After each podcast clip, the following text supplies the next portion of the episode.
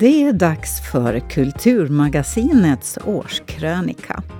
Där jag, Tua Åström, ska ta er med på en vandring genom ett år som ingen av oss nog ens i sin vildaste fantasi kunde ha trott att skulle bli så här.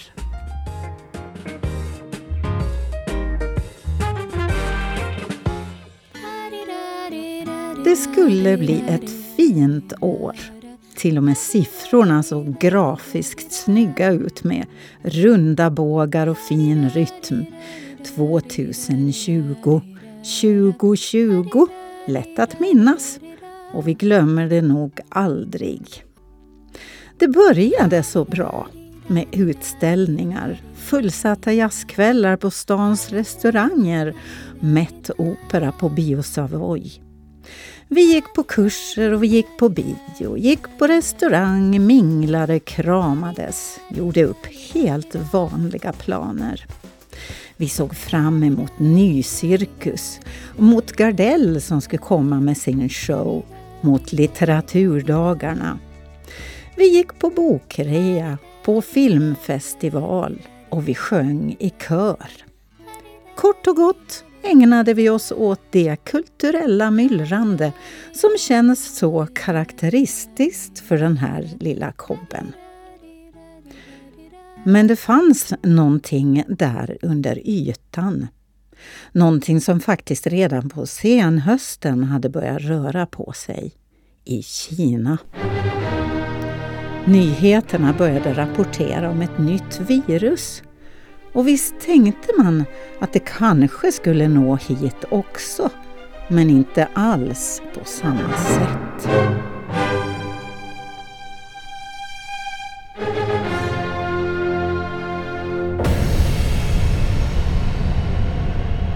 Landskapsregeringen förbjuder publika evenemang för fler än 500 personer både inomhus och utomhus. Förbudet är fattat med stöd i lagen om smittsamma sjukdomar för att undvika spridningen av coronaviruset. Förbudet träder i kraft omedelbart. Finlands regerings rekommendation är att publika evenemang inhiberas ända till slutet av maj. Landskapsregeringen följer aktivt med hur läget utvecklas och kan fatta beslut om att förlänga förbudet enligt det aktuella läget.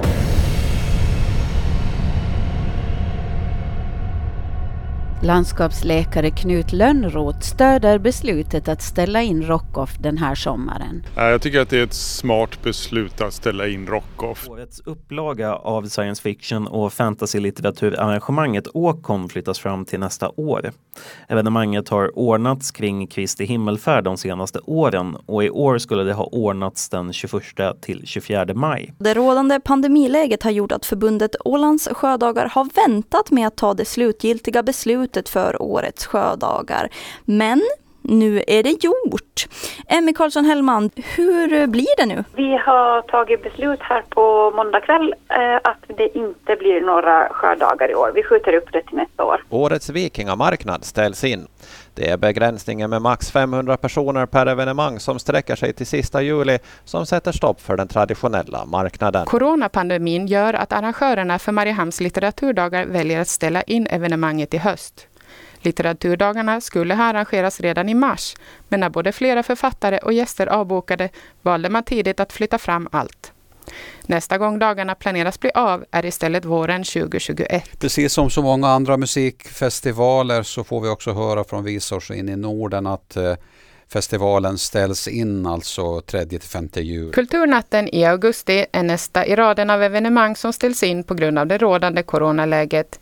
Istället tar man sikte mot 2021 och Ålands 100-årsjubileum.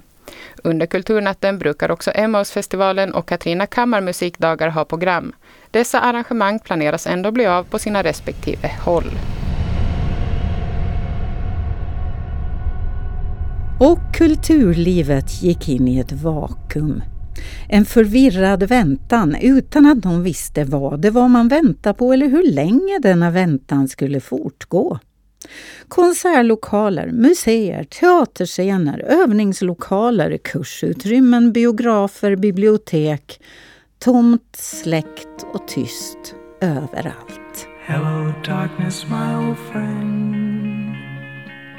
I've come to talk with you again. Because a vision softly creeping left its seeds while I was sleeping. And the vision that was planted in my brain still remains within the sound of silence. Men eftersom nu kulturarbetarsläktet per definition är en kreativ skara började alternativa lösningar ganska snabbt dyka upp. Både privatpersoner och mer organiserade kultursammanhang fann sig en ny arena. Internet. Så här i coronatider arbetar kulturen på lite annorlunda vägar och VIS, Nordens institut på Åland, har som många andra nu när, det, när vi ska hålla oss hemma eh, gått på alternativet Liveström på nätet. Anna Lind Bengtsson är kommunikationsansvarig och eh, projektledare på NIPO. God morgon! God morgon, god morgon.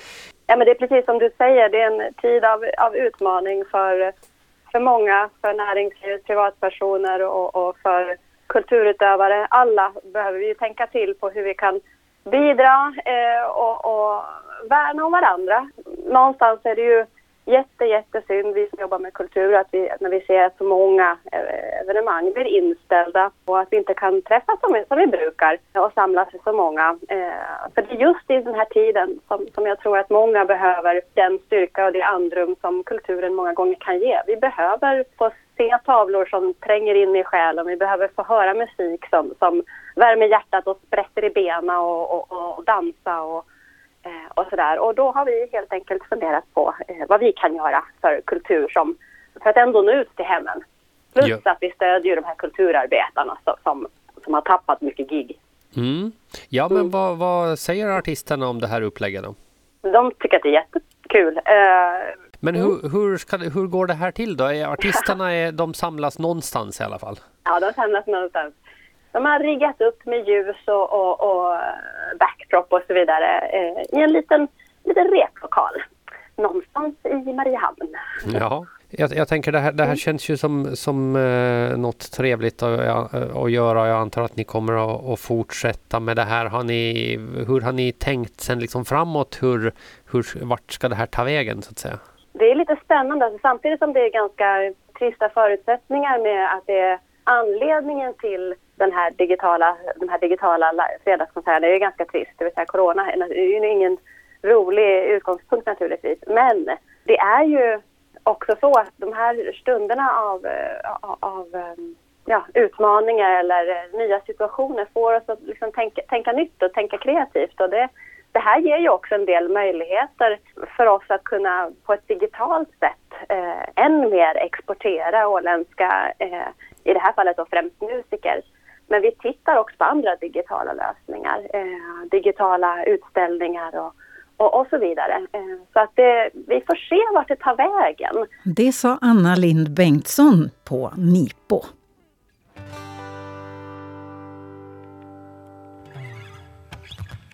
All right. Då är vi igång. Ja, yeah. kul att vara här. Jag heter Johan och det här är min trogne kompanjon Emil. God afton. Ja, det är spännande att vara här. Det är första gången vi spelar på en stream tillsammans. Mm. Tror jag bestämt. Vi har spelat tillsammans i lite över tio år tror jag, men vi har inte gjort det tidigare. Nej, det exakt. Det, det, är någonting nytt. Det är kul att få, få vara med om. Verkligen. Vi ska fortsätta med en låt som vi ofta spelar i vårt set 1. Det är en sån här riktig lägereldslåt. Den heter A Horse with No Name.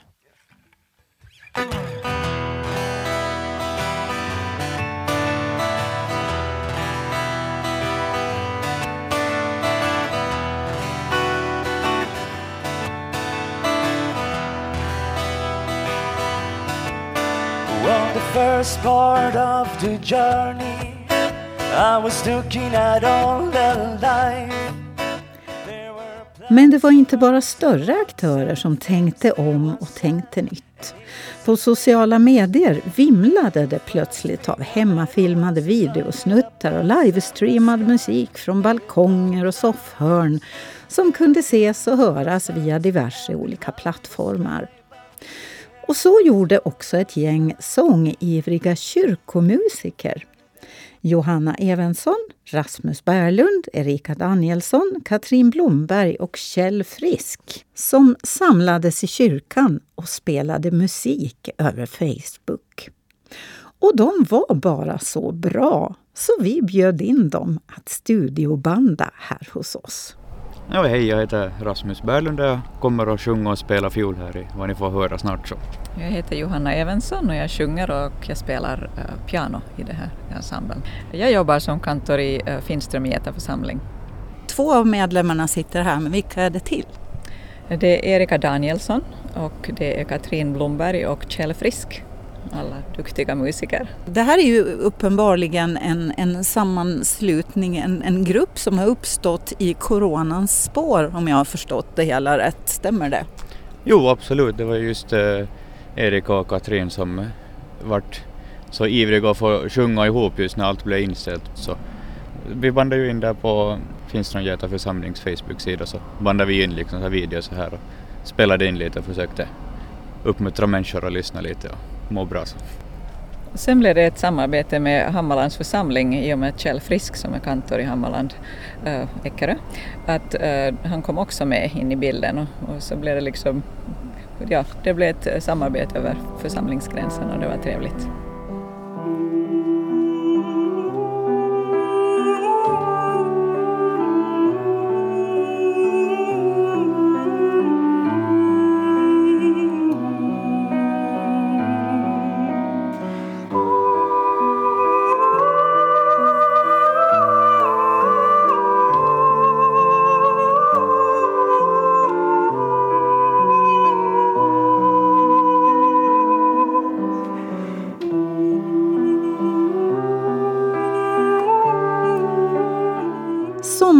2020 flöt trots allt på.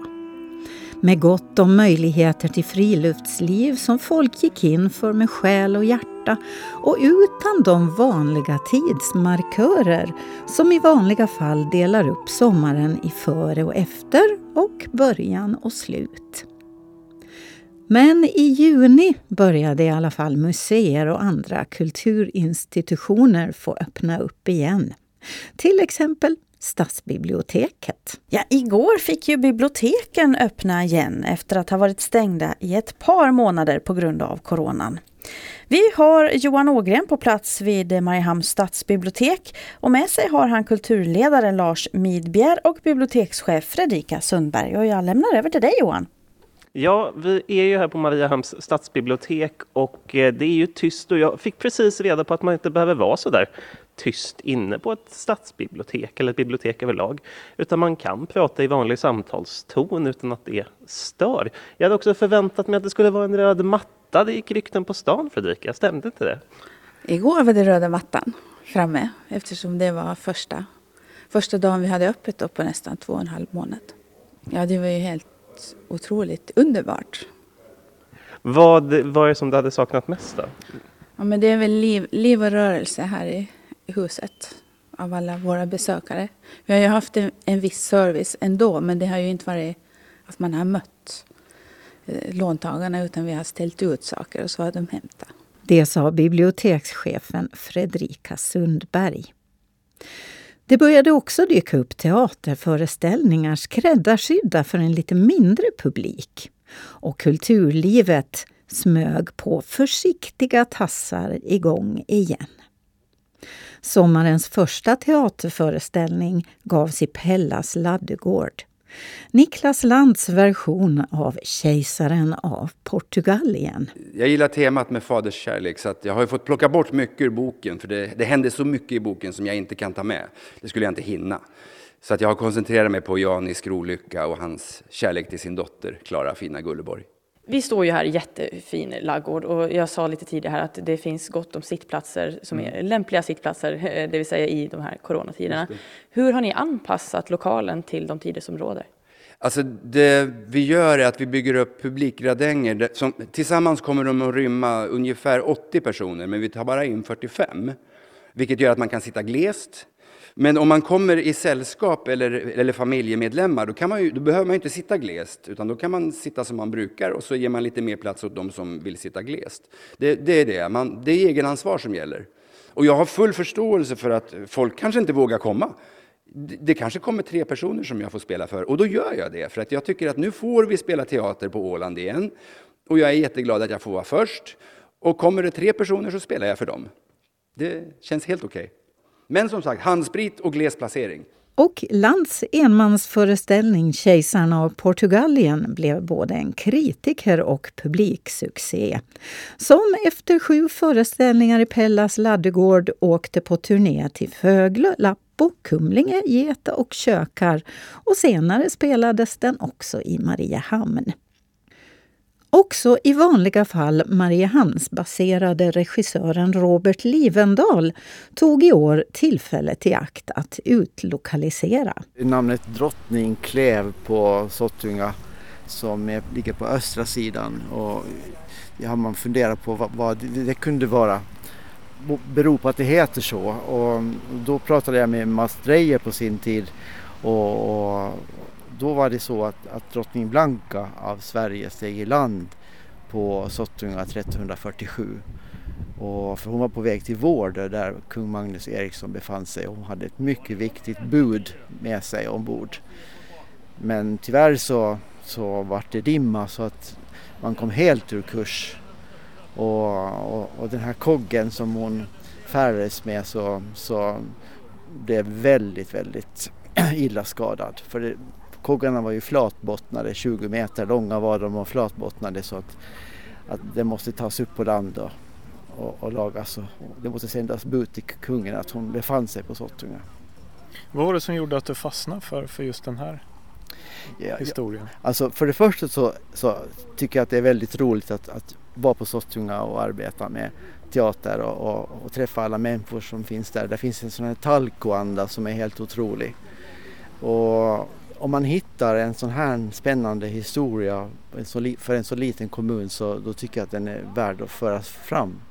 Så att man lyfter fram Sottunga. Var i finns dramatiken i den här historien? Ja, alltså det, det blir ju ingen pjäs av att en drottning stiger i land och det blir ju ingen pjäs av det utan man måste också fylla den med, med människor som bodde där och så. Så, att, så då har jag, har jag de karaktärerna som Fröbjörn i Ormhälla och, och hans familj och, sånt så, så har, har bildar så att säga folket på Sottunga. Så där finns flera med. Ragnhild i Söstre heter en som spelas av Anita Hildén till exempel. Och, och som har, fyller en stor funktion. För att, och så har jag gått på många eh, rättegångsprotokoll för kungen reste ju runt, ständigt reste han runt.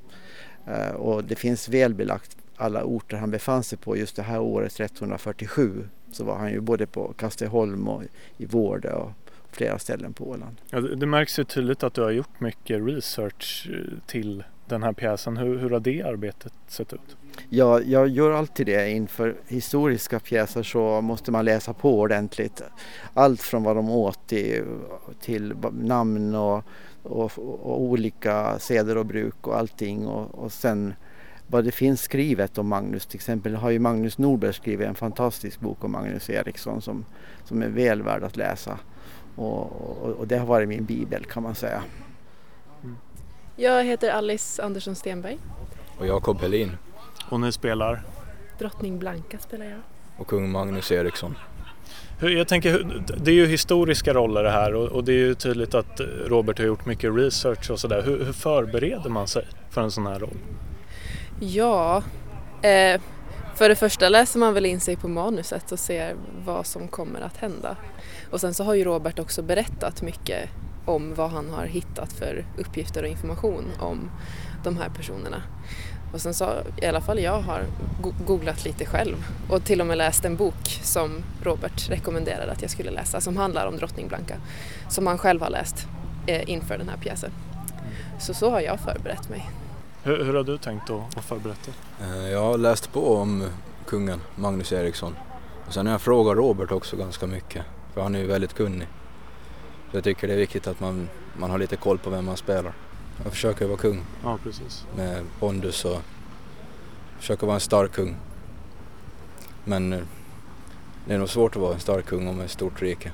tänker jag. Gunilla Nilsson. Jag är tillsammans eh, med Lena Andersson, jag är kostymör för, för drottning Klev. Då. Du har ju på ett sätt en ganska stor eh, roll i den här pjäsen också får man säga. Eh, Vi står, står kvar här bredvid kungen och, och drottningen. Jag tänkte att du, du ska få be, försöka beskriva hur, hur ser de ut?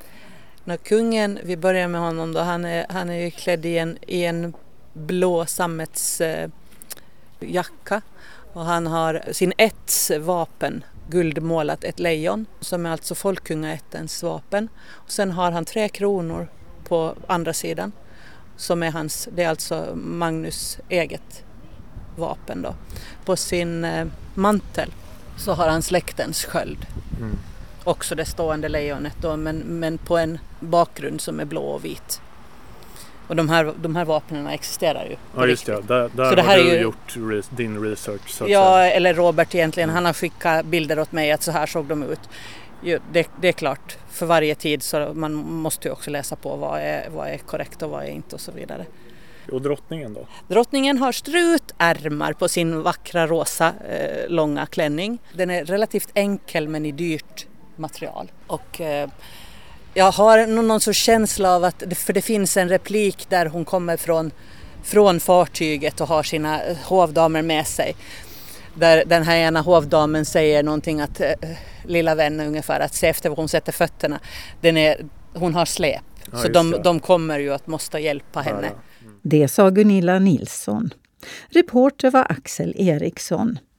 Sammanlagt nio föreställningar av Drottning Klev gavs på Sunnanberg på Sottunga.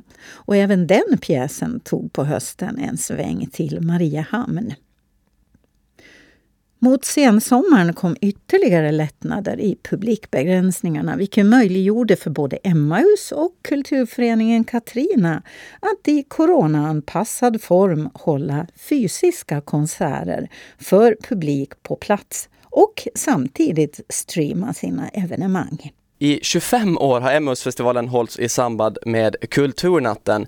Nu är Kulturnatten inställd på grund av coronasituationen, men Emmausfestivalen tänker inte ställa in. För att höra lite mer om det så har vi bjudit in Marta Hannus från just Emmaus. Hur, hur har ni tänkt kring hela det här arrangemanget? Det som vi tänkte var helt enkelt att eftersom vi hade börjat planera det här, eftersom det är en av, av de roligaste sakerna vi gör under året, så ville vi genomföra det på ett sätt som är möjligt med rådande restriktioner. Så vi har minskat ner vårt program lite. Vi kommer göra en mindre festival, mindre folk på plats, men också livestreama så alltså att så många som möjligt kan ta del av det program som vi ändå har planerat. Och det betyder att om vi 13-14 augusti befinner oss i en situation med väldigt utbredd samhällssmitta på Åland, då är det såklart att vi måste ta vårt ansvar och se till att folk inte träffas i stora grupper. Men då kan vi i så fall livestreama det vi har. Och eh, det betyder också att det möjliggör för människor som är i riskgrupper eller människor som av andra orsaker inte kan ta sig ut till ett evenemang, som kanske inte kunde det förra året heller, eh, att ta del av evenemanget. Eh, så som det ser ut nu så handlar det om att vi planerar för hur man ska kunna hålla avstånd på vår gård eh, och hur vi ska kunna begränsa antalet personer som finns där så att det är möjligt att hålla avstånd. Men vi har liksom en beredskap för att anpassa det här efter hur situationen utvecklas. Jag kan säga att man kan förvänta sig en, en klassisk eh, Emmaus kulturnatt, Emmaus festival i lite mindre tappning då. Det blir mest åländskt, vilket eh, under omständigheterna eh, känns jättebra, både för att eh, det åländska kulturlivet ska kunna eh, leva, men också av eh, att resandet är begränsat just nu. Eh, vi kommer också att jobba med interaktiv kultur och i år tar det form i en gemensam väggmålning. Och då har vi anlitat eh, Minna Öberg som är konstnär som kommer att, att leda då de som vill delta i att måla en av våra väggar där inne på gården. På ett tema som kopplar till kretsloppsparken. Så där tänker vi att det, det blir kul att göra något tillsammans också.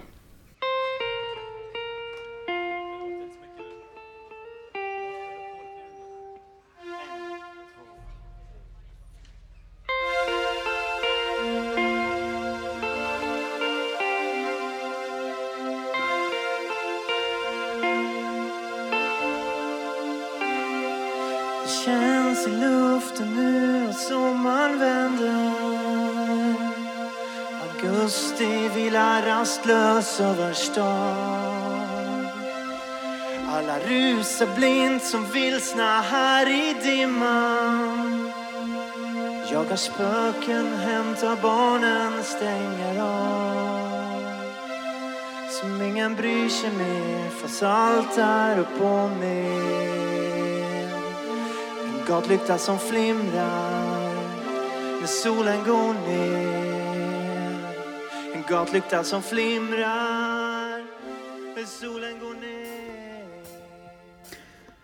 Det var Viktor Enberg som intervjuade Emmaus festivalgeneral Marta Hannus. Sist hörde vi Overkligheten som var ett av de åländska band som uppträdde på Emmaus bakgård i augusti. Kulturföreningen Katrina beslöt även de att genomföra årets kammarmusikfestival trots att även den blev en nerskalad version. Verksamhetsledare Rosie Djupsund. Ja, alltså det känns nog fantastiskt bra. För det första att det blev av. Men vi tog ju tidigt ett sådant beslut att vi försöker, till varje, inte till varje pris förstås, men alltså så, så långt det går att på något sätt arrangera festivalen. Antingen de är streamade konserter eller förstås hoppades vi främst på att, att, att vi kunde också ta in publik. Och det kom ju sen då beslut från högre ort, hur många antal det, personer det får finnas i ett utrymme. Och eftersom det småningom liksom växte det här antalet så, liksom så var det självklart att, att nu kör vi. Och sen förstås med alla artister också. Så, så, det här, så, så de var ju överlyckliga över att få komma och spela inför publik. De har fått spela inför kameror det vill säga streamade konserter. Men det är inte samma sak, det vet vi alla. Vilka försiktighetsåtgärder har ni vidtagit inför den här lite speciella festivalen nu då? Framförallt så var det ju i ett tidigt skede som vi avbokade utländska gästerna förutom de svenska och en norska som också, de som har fått helt enkelt möjlighet att komma hit. De svenska artisterna så har vi bett att vara i frivillig karantän hemma och det har de gjort. Vi har bokat enskilda hytter åt allihopa också. Hon som kom från Kapellskär har haft egen hytt. Allt för att säkra att, att, att det inte på resan hit skulle ha blivit smittade på något sätt. Handspritflaskor finns överallt och det noterar jag också att alla använder. Men det här med, med avstånd så vi placerar nog stolarna ut i konsertsalen så att det finns avstånd mellan varje plats. Men sen kanske inte publiken själv riktigt håller avstånd. Och, och, och där har vi svårt förstås att, att mm. gå och säga till var och en utan det, där ligger det nog faktiskt på de enskilda personerna mm. att se till att man har avstånd. Men vi har försökt uh, göra det vi kan. Nu sitter vi då alltså på bagarstugans lilla innergård här bakom.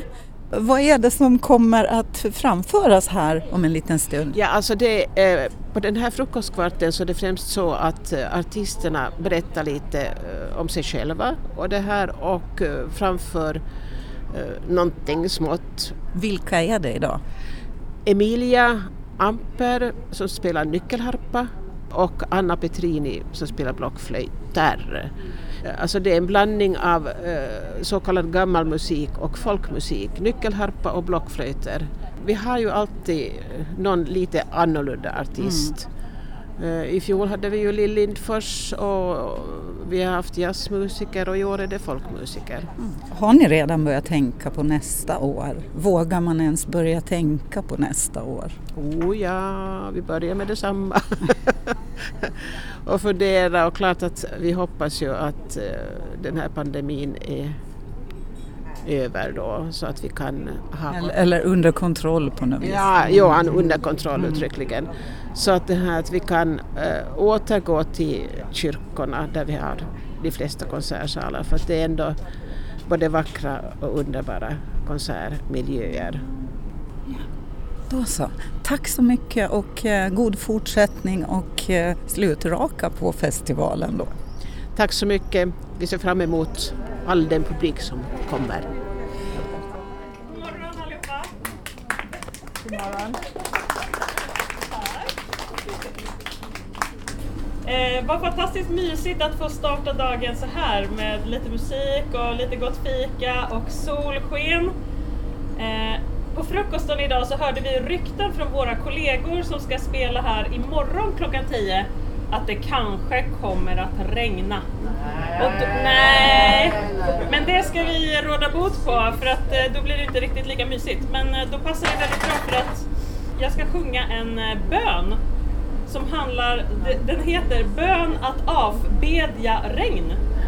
Så det var ju klockrent, så de bara, bra. Kan du sätta en timer också att bönen gäller fram tills imorgon efter vi har eller att det får regna klart innan eller någonting sånt. Så att nu, nu är det magi som pågår här så att nu ska vi allihopa tänka dessa goda soliga tankar.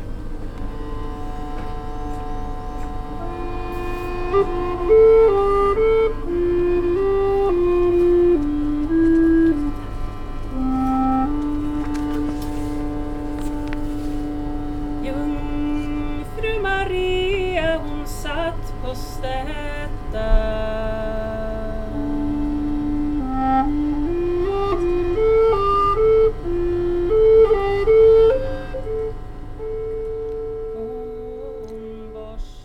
Petrini och Emilia Amper hörde ni där i en liten frukostkonsert på Bagarstugans bakgård.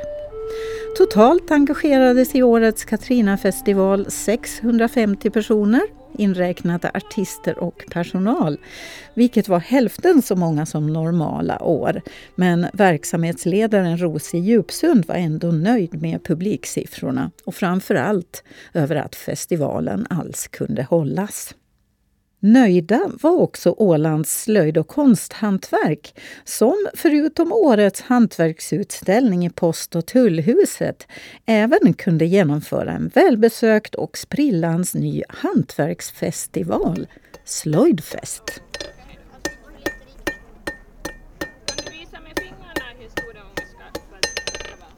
Jag heter Hanna Wik Rosenqvist och jag är verksamhetsledare på Ålands slöjd och konsthantverk. Mm. Och nu står vi alltså här på slöjdfestivalen ute på eh, Eckerö post och tullhusgård. Jag måste ju fråga till att börja med, varför är det slöjd med OI? Ja, slöjdfest heter den ja. Eh, det är lite så internationellt och det är, det är tänkt att det ska vara en, en helt nordisk festival den här. Men den har ju liksom krympt vart efter coronaläget har ändrats. Sådär. Men, men lite andra utlandsdeltagare har vi här också, Estland och, och från fastlandet lite folk också. Så sätten att den har krympt. Det är ändå ingen liten festival här utan ni har fyra långa tält och här lite på sidan av så håller de på med smide ser det ut som. Hur många deltagare har ni nu till slut?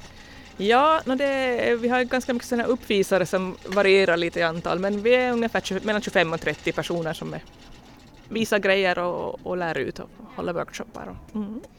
Ja, ehm, det såg ut där till att börja med som att ni skulle ha otur med vädret. Eh, det regnade under förmiddagen. Men nu är det varmt och soligt och det har ändå kommit hit ganska, ganska mycket folk. Är du nöjd hittills? Jo då, det är absolut. Vi är jättenöjda. Det, det är ganska sådär lagom egentligen och, och, folk är lugna och sansade och tittar runt sig och går omkring och provar på allt och, och det finns mycket att prova på helt, helt gratis också. Så, och, och mycket fina grejer att köpa. Och, ja, det, det, det, det är en bra stämning och det är precis det som vi ville ha. det finns verkligen lite allt möjligt ser jag. Här finns fiskskinnsgarvning. Där borta ser jag pilflätning och eh, här inne så planerar ni en workshop om att göra sina egna cosplaydräkter i någon sorts plastskum om jag har förstått det rätt.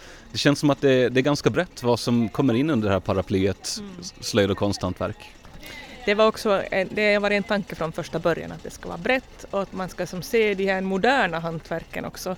Alltså vi har supertraditionellt liksom knyppling från Setoma som, som har en väldigt stark kultur och de har liksom sina folkdräkter på sig, det är supertraditionellt. Och så har vi liksom cosplay där man skär i plastskum. det, är liksom, det är precis så som det ska få vara. Men det är också allt, allting är hantverk, det är sånt som man tänker ut med sin hjärna och gör med sina händer. Det är liksom, vad var det för, eh, för aktiviteter som föll bort då i och, med, i och med coronan och att folk fick svårt att resa hit? Ja, vi hade ju ganska många svenska aktörer som skulle ha kommit förstås från Gotland. Det var just en, en smed som är van att vara med på medeltidsveckan och smida med barnen. Så, men, men Tanja, vår lokala smed, vi hoppade in istället så det löste sig. Och sen var det en tov, tovare som är faktiskt en sån här guru i Sverige som, som tyvärr inte kunde komma nu men hon sa att hon kommer jättegärna sen när det här lugnar sig. Och, och sen var det lite, lite vävning och lite näverarbeten och sånt som tyvärr föll bort också. Liksom specialtekniker som inte är så vanliga här som skulle vara kul att visa. Men det får kanske bli en annan gång. Då gör vi det nästa gång sådär. Jag värmer upp spetsen och lägger den här äh, försädet. Hanna Wik Rosenqvist intervjuades av Felix Kvarnström. Cirka 700 personer besökte Hantverksfestivalen. Utställningen med det passande namnet festival sågs av nästan 11 500 personer under sommaren. Cirka 30 procent färre jämfört med fjolårets, men det var förstås på grund av coronan. Många hantverk och andra icke publikinriktade grenar på kulturträdet har klarat sig bättre genom årets coronapandemi. Medan kulturarbetare som ägnar sig åt scenkonst helt eller delvis som levebröd har drabbats betydligt hårdare av nedstängningarna.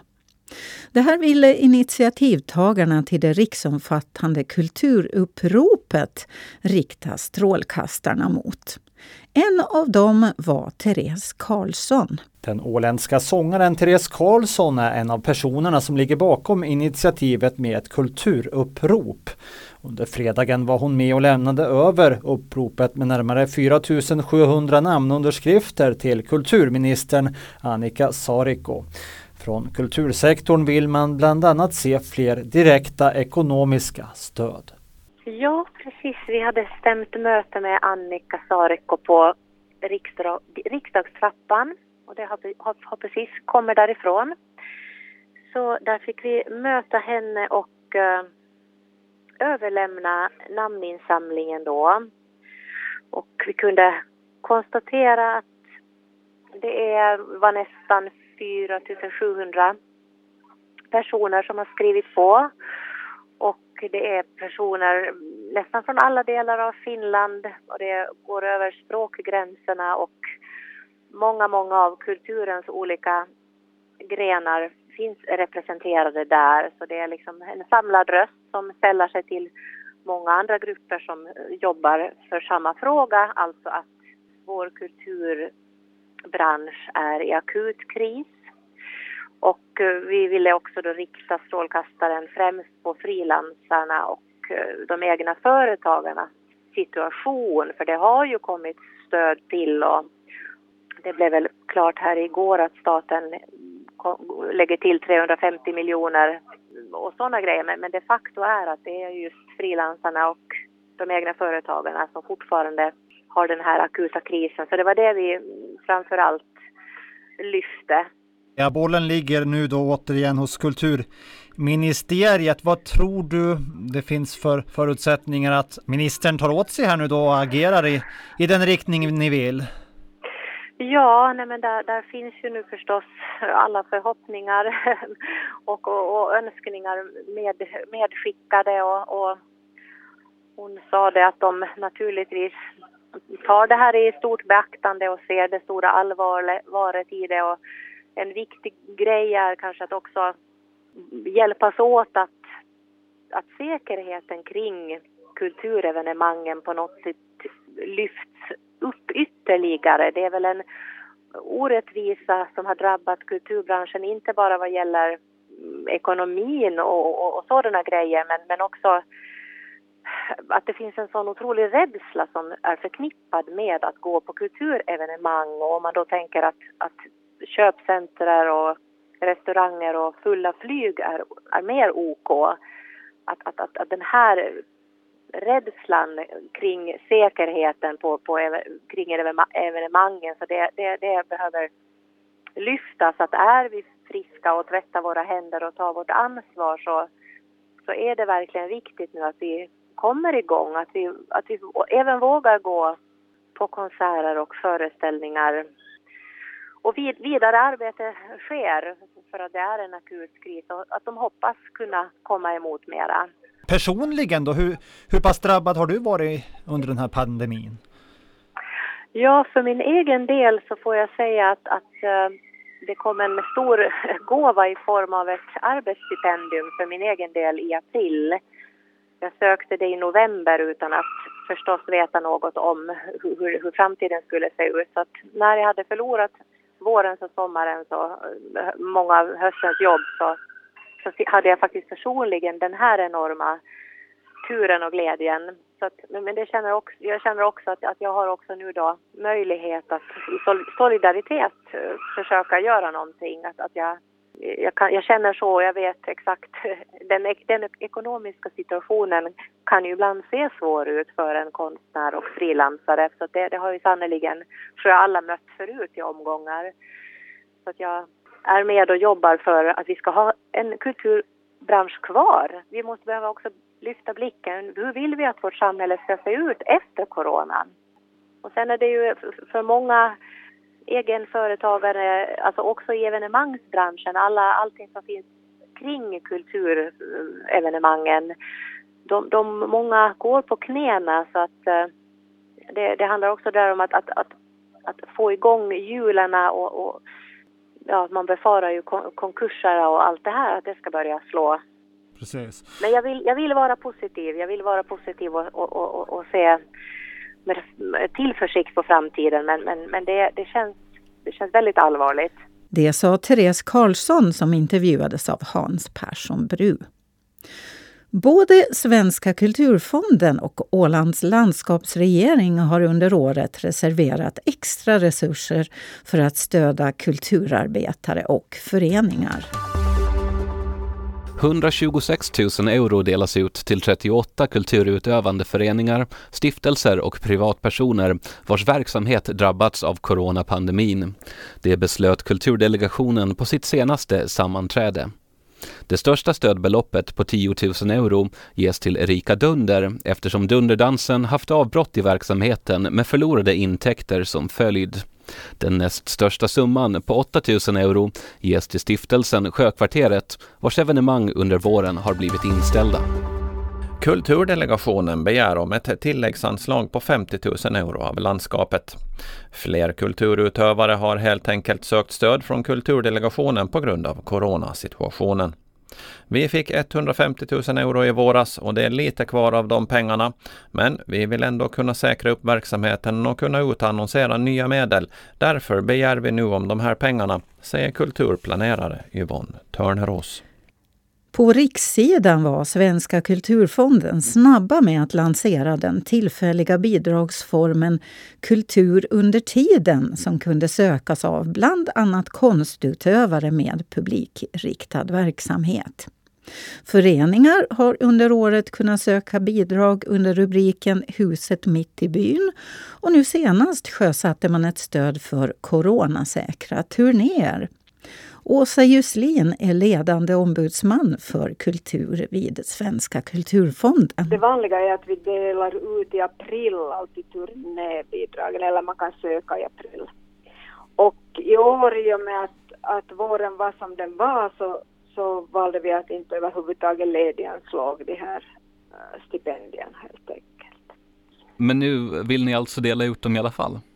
No, nu kommer vi att göra så att nu kan man för att de konstnärer som sitter och funderar vad ska de göra med våren så, så kan åtminstone planera.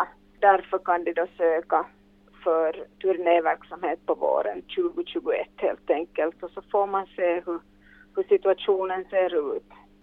Vem, vem kan söka de här pengarna då? Det är professionella yrkesverksamma konstnärer och arbetsgrupper inom alla konstområden helt enkelt som åker på turné.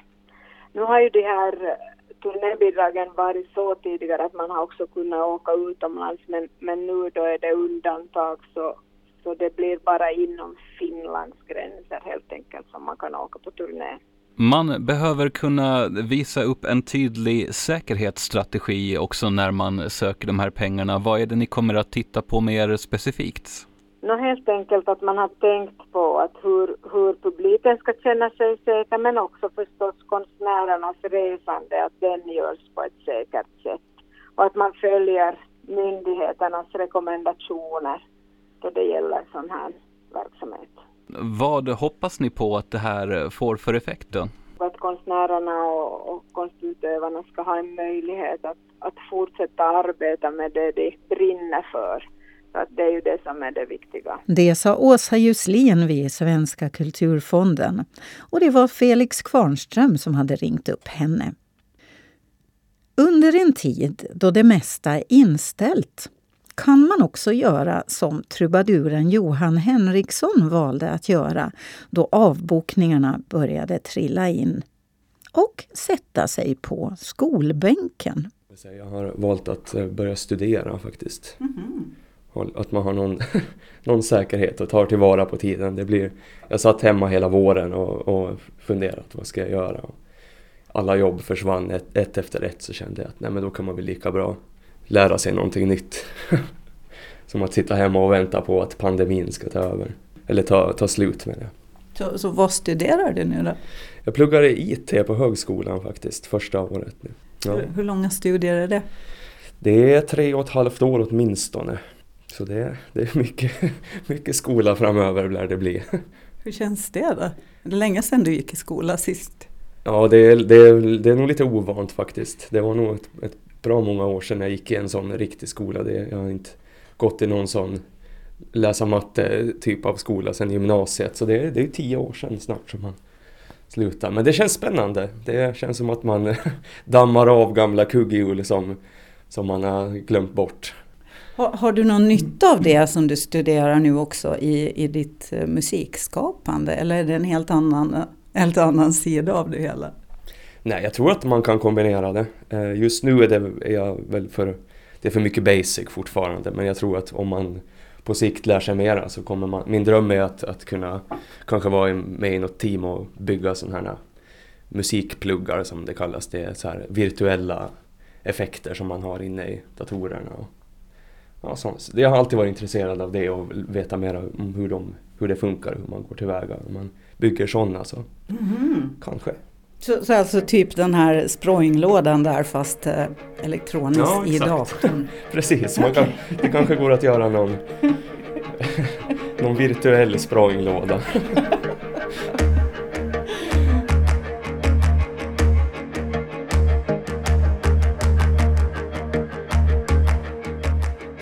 Så sa trubaduren Johan Henriksson då han var med i programmet Torsdagsgästen tidigare i höst.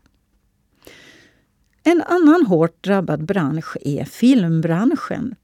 Runt om i världen stängs biografer då premiärer på publikdragande storfilmer skjuts upp på obestämd framtid. Filmfolk betecknar läget som allvarligt och det här är någonting som även Bio Savoy har fått känna av under året. Mm, ja, det påverkar nog ganska mycket. Alltså vi, det här undantagstillståndet kom ju ganska snabbt i bruk. Det var inte så mycket förvarning på det. Så att från 18 mars till 1 juni så hade vi ingen verksamhet. Det var stängt. Alla biografer i, i Finland hade stängt under den perioden då. Så det var ju bara att stänga fast dörrarna det och meddela allmänheten och sen blev man permitterad helt enkelt. Liksom. Och sen fick vi öppna igen första juni och då fick vi med restriktioner att man får ta in 50 personer per, per föreställning. Men att i juni, juni, juli månad för oss så gör inte det så hemskt mycket för vi har inte 50 personer inne i salen i, i juni, juli. Om det inte är någon sån jättestor film förstås men mm. Eh, där var ju ett av problemen var ju att, att det kom ju inte några nya filmer. Alltså allting blev uppskjutet från, från Hollywood, från filmproducenterna och bolagen. De släppte inga filmer därför att det var inte lukrativt för dem att släppa några filmer när det är från USA liksom som de flesta i alla fall stora filmerna kommer och där har de ingen bioverksamhet överhuvudtaget. Det, det är totalt kaos liksom. Mm, mm. Men eh, nu faktiskt här nu till hösten har det börjat släppas igen och det är mm, mm. jätteskönt. Och de filmerna släpps här i Skandinavien och Norden, de släpps inte i USA. Så det, vi får filmerna före nu alltså. Uh, Mulan, tyvärr, det är många som har frågat om alltså Disneys live action version av Mulan.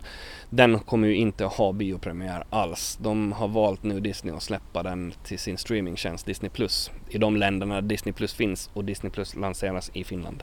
Och det är ju för att de, de måste göra någonting. De kan inte släppa den i USA och Nej. de måste få in pengar på den. Den har blivit uppskjuten så länge. Det här är ju en mastodontproduktion alltså. När jag går nu och bokar filmer så det kan ändra från alltså dag till dag vilka filmer och när de kommer. De har skjutits upp, de har flyttats, så det är jättesvårt. Mm. Nu är det ju så, jag menar vi har inte konkurrens från någon annan biograf eftersom vi är den enda biografen så det är ju ganska tacksamt i det här läget. Så det är inte så att folk försvinner någon annanstans. Eh, men eh, det är klart, det ska nog bli skönt när, om och när det, det här läget stabiliseras. Det sa Daniel Gäddnäs. En film som i alla fall hade premiär i höst var den inhemska filmen om Tove Jansson. Den 7 oktober var det pressvisning på Tove på Bio Savoy med bland andra huvudrollsinnehavaren Alma Pöysti på plats. Vi är hemskt glada över att det har börjat släppas filmer igen och ja, det har varit tufft. Eller det är ganska tufft just nu. Det sa Bio Savoys ägare Tina Landell Dahlblom. Med på dagens pressvisning var också produktionens producent Andrea Reuter. Det har varit otroligt mottagande, fyra och femmor överallt och Vasablad som kallar årets bästa film. Och så var det ju väldigt många som gick och såg den. Den var nummer ett på, på biotoppen, eller den ligger nummer ett på biotoppen och det var den bästa öppningshelgen för en finlandssvensk film någonsin och det känns ju för mig personligen jättestort och dessutom i dessa tider vi lever, det känns roligt att folk har fattat att det, det, det är säkert att gå på på bio. Hur viktigt är det att åka runt och PR den här filmen? Det är nog jätteviktigt. Vi har gjort en film som är för hela landet. Och det är på något sätt extra roligt att åka till Åland för att det är så många kopplingar till Åland i filmen så det, det är inte så svårt att hitta på vad man ska, vad man ska säga om den. Ja, Atos Virtanen från Saltvik då och sen eh, Sandra Wahlbeck. Sandra Wahlbeck som är grafiker från Fögle och så var det du då som är producent som har hela släkten här. Ja, exakt. och ännu en Ålandskoppling levererades av Alma Pöysti som spelar Tove Jansson i filmen. Jag har också släkt, ja, olika Ulfsöner i olika kopplingar då från min farmors bror och hans barn som har, har varit här och är här. hela sitt liv. Utom ett par gånger. Tove-filmen har i år setts av cirka 150 000 finländare trots pandemin. Sålts till över 30 länder, nyligen utsetts till Finlands Oscarsbidrag och öppnar förhoppningsvis Göteborgs filmfestival i slutet av januari. Vid sidan av många andra kulturarbetare har författarna kunnat jobba på ganska långt som vanligt. Och i år har 50 åländska titlar hittat till bokhandelsdiskarna. Så här sa bokhandlare Pernilla Söderlund då hon ställde i ordning för utomhussignering ett par veckor före jul. Ja, jag tror vi räknar till 50 olika. Vad beror det här på? Att vi är ett kreativt folk Eh, att det finns mycket att skriva om här. Eh, vi bor på en ö. Eh, ja, men alltså, jag, jag är helt stum av beundran för alla kreativa människor på den här ön. Jag tycker det är fantastiskt härligt. Tänk vilken kultur vi har här. Uh, ja, du förstår att jag är stum. och tänk att det är i alla olika genrer. Det är barnböcker, det är, är liksom historia, det är andligt, det är romaner, det är, ja men det är ju allt alltså. Antologier, det, det är allt. Så det är ju fantastiskt. Det sa Pernilla Söderlund. Mariehamns litteraturdagar och de stora bokmässorna både väster och öster om oss blev ju i år inställda. Men den åländska blev till slut i alla fall av. Det som föregåtts av långa och många förhandlingar och förberedelser och som säkert många med nyfikenhet och spänd förväntan sett fram emot kickade så på årets slutraka igång i ett mörklagt Västra hamnen där Nina Smeds träffade en glad filmkommissionär. Jag står här i mörkret. Det är sällan det är så här mörkt i den här delen av stan. Gatlamporna är släckta och det lyser bara i några enstaka fönster här. här. Jag står här vid den här Havets folk-statyn tillsammans med Titte Törnroth. Hej! Hej! Man ser här lite på däck att det händer saker. Där på akterdäck på Birka Stockholm. Kan du berätta vad det är vi ser? De förbereder för första tagningen som sker ute på däck, eller de filmar ju hela dagen på ytterdäck och huvudsakligen då på däck 5 men också lite högre upp. Och det som vi ser att rör sig där nu så är en kran, en stor kran som de fick lyfta upp med en annan kran här igår när de började förbereda ombord. Och är det någon kamera som eh, finns på den där kranen? Det är en kamera som finns på kranen som knappast syns med de, den moderna tekniken. Kamerorna har blivit små. Folk som har verksamhet i, i närheten har uppmanats att släcka all belysning. Hur har, har folk ställt sig till det?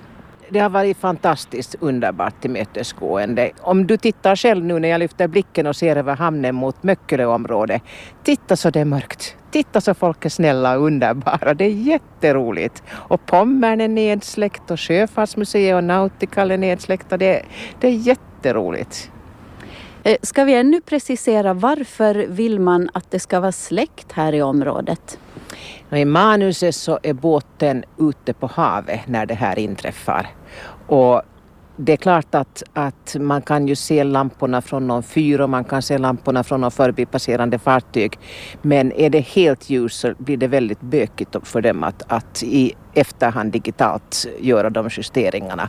Så att de låtsas vara ute. De har burit ihop, burit ombord jättevindmaskiner till exempel. Så att det kommer att blåsa ute på havet när de filmar.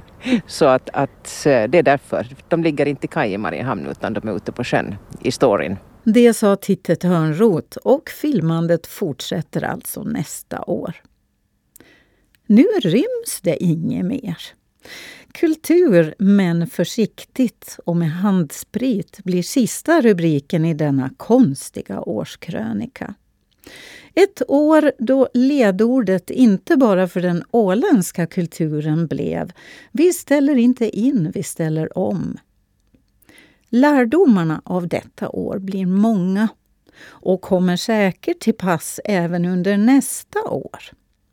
2021 eller 2021 väntar runt hörnet med 100-årsjubileum och segelfartyg från världens alla hörn som enligt planerna ska anlöpa Mariehamn i sommar. Det blir ett år som troligen kommer att behöva planer både för A, B och kanske till och med för C-utföranden av det mesta. Men nu stänger vi säcken och säger hej då till det här året som trots allt innehållit många fina och minnesvärda saker också. Tvätta händerna, Håll avstånd, stanna hemma om du är krasslig och lyft blicken mot horisonten. Det kommer att bli bra. Den här gången också. Avslutningsvis lite ljuv musik med färska Aktion julmusikduon Therese Karlsson och Greta Sundström. Frid på jord och ett gott nytt år.